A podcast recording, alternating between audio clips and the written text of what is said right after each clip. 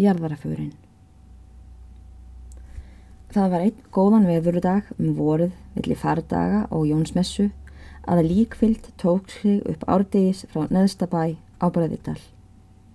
Við munum hér eftir kalla dalinn svo fyrir stuttleika sakir, þótt hann heiti í raun réttri Bræðidalur hinn litli og mun það nafn eiga að greina hann frá hinnum alkunna Bræðidal á austfjörðum.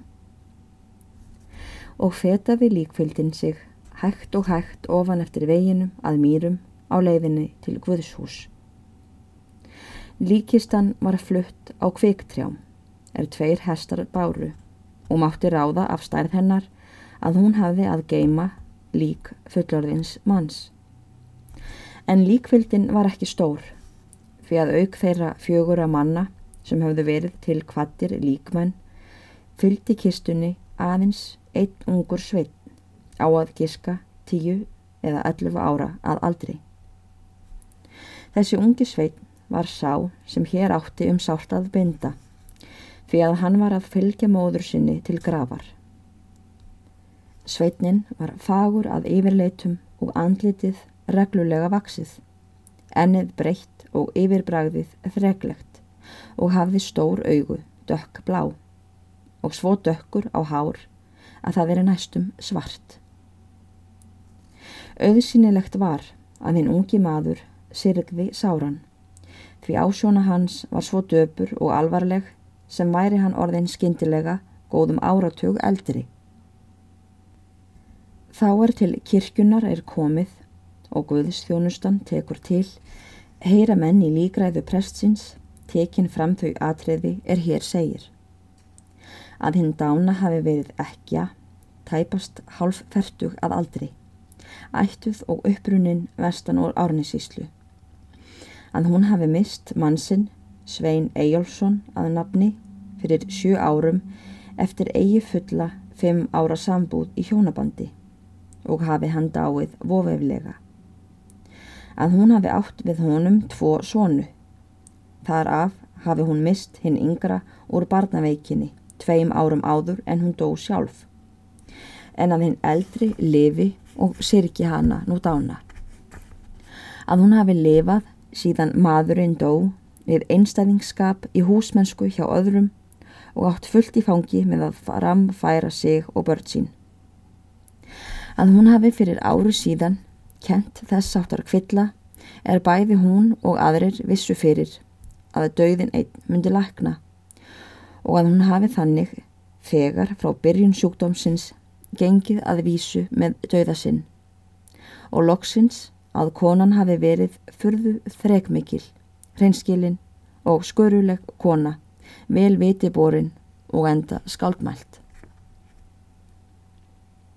Þegar líkið er ringt út úr kirkjunni, setur að hennum unga sveini grátt mikinn og ekka sem varir alla þá stund er verið er að móka yfir kistuna og sungin er salmurinn allt eins og blómstrið eina.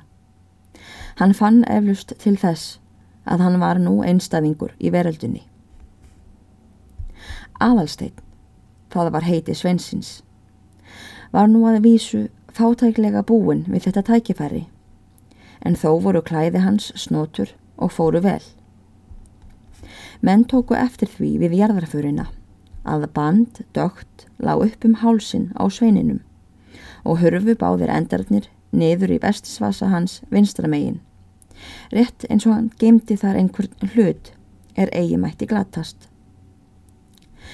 Þessu var og þannig varið og skulum við þegar segja frá hvernig á stóð með þetta. Móðir aðalsteins hafði á degjanda degi kallað hann að kvílusinni til viðtals. Hún hafði þá í hendi sér lítinn likil með bandi í höldunni og mælti hún nú við svonsinn á þessa leið og hlaut þó að tala með kvildum. Ég ætla nú að hvaðja þig, barnið mitt, og kissa þig í síðasta sinni, því að nú er skilnaðarstundin í nánt. Ég get ekkert látið þér eftir í heiminum, annað en örbyrð og einstæðningsskap. Það er litla sem við eigum, hlýtur að ganga upp í skuldirnar þó að mig hefði langað til en þú mættir halda honum litla bleik. Það var tvæveturt trippi, annað af þeim tveim rossum sem ekki hann átti.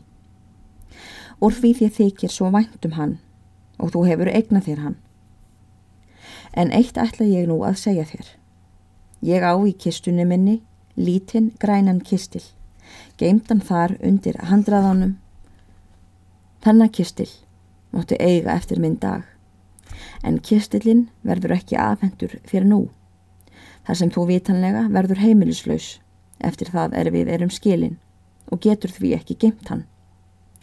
En það aukir mig að best muni fara fyrst um sinn, að svo geimi kistilinn framvegis sem geimir en taktu við liklinum að kislinum og geimdu hann vel í bandi upp um hálsin, fyrir kistillin verður þér afhendur á sínum tíma. Lofuðu mér því að farga aldrei þeim kistli á meðan þú lifir og skilja aldrei við þig likilinn. Þetta talaði ekkan með kvildum, því að mjög var af henni dreyið. Eftir það leggur hún móðurlega blessun yfir svonsinn, árnar honum Guðs varðveislu og kissir hann hennum síðasta skilnaðar kossi. Þá sló þögn í herberginu og heyrist ekki annað en grát ekki sonarins og dauðastríð móðurinnar. Aðalsteinn grúfir sig niður yfir hanna með hendurnar fyrir andlitinu og tárast lengi.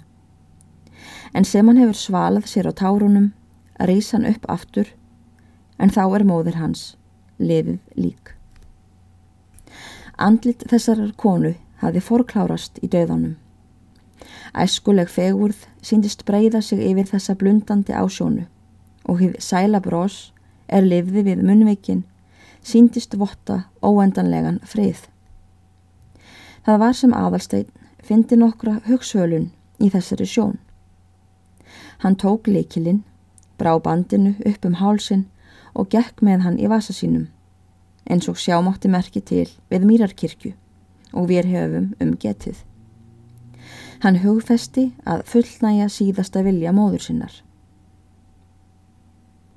Nú verður að nefna fleiri menn og heimili til sögunar. Hjónin á neðsta bæ héttu Gunnar og Segurbjörg. Gunnar var góður bóndi og hóvar í skapi hverstagslega. Hann var starfsmaður góður. Sigurbjörg húsfreyja hans var yfirsettu kona og læknir, gáðuð vel. Hún var stór kona vexti og fríð sínum. Þau gunnar höfðu leð ekkjunni, móður aðalsteins húsnaði, síðan hún varð ekkja og voru henni vel. Hafði Sigurbjörg húsfreyja lagt henni alla líkn sem hún gat í sjúkdómi hennar og verið hjá henni löngum. Var með þeim hinn kærasta vináta Þau Gunnar höfðu eignast nýju börn og lifðu öll og var hitt elsta 15 vetra.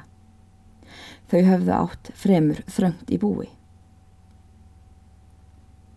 Fremstu bæirnir á Breðidal, sinn hvoru megin við ána, héttu hvortveggi, Foss, Eistrifoss og Vestrifoss. Á Vestrifossi bjók viðmundur Eyjólfsson, albróðir Sveins, föður Adalstins. Kona Guðmundar hétt Jórun.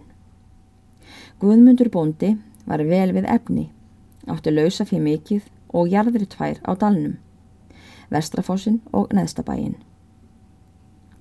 Hinnir bæirnir að vestanverðu á dalnum héttu Hraun, næsti bæir við Vestrafoss og Sporður, neðsti bærin á Breiðdal þeim megin. Næsti bæir við Neðstabæ að austanverðu á Breiðdal var Háls. Þar bjóð Þorstit bóndi Hafliðason. Hann var fyrir þeim bændum í dalnum af greind og dugnaði. Þorstein var maður á miðaldra skeiði, þá er þetta var til tífinda. Hafði ferið utan og kynst búnaðarháttu manna í Noregi og Svíþjóð. Hann var hikinn maður og búhöldur góður. Þórun hétt kona hans. Þorstein hafi gjörst frumkvöðull að jarðabótum á dalnum en fyrir því að jarðabætur voru eigi tíðar í þá daga mætti hann mótspyrnu í fyrstu, einkum af þeim hinnum gömlu bændum, Þorvarði á Raunni og Þorvaldi á Estrafossi, eða áður var minnst. Þeir töldu tormerki á öllum nýbreytingum.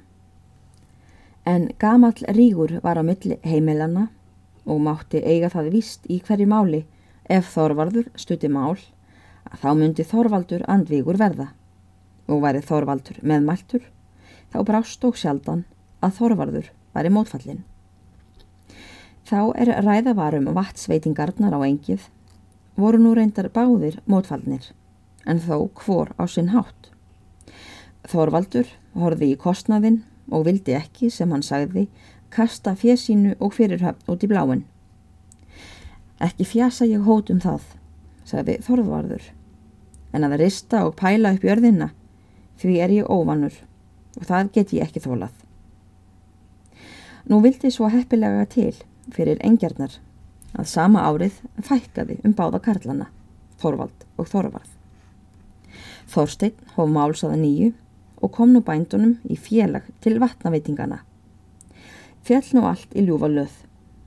Þeir unnu þrjú vor að stíplum, skurðum og flóðgorðum og komu stórum miklum bótum til leiðar.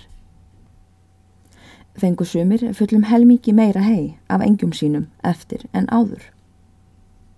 En er ónemdur bærin grund á Breiðdal, milli Háls og Estrafoss. Breiðdalur var eigi hreppur fyrir sig heldur lág meginnið af sveitinni, söður á héræðinu og bjó hreppstjórin þar. Var sveitin kölluð Breiðdalsveit eftir dalnum.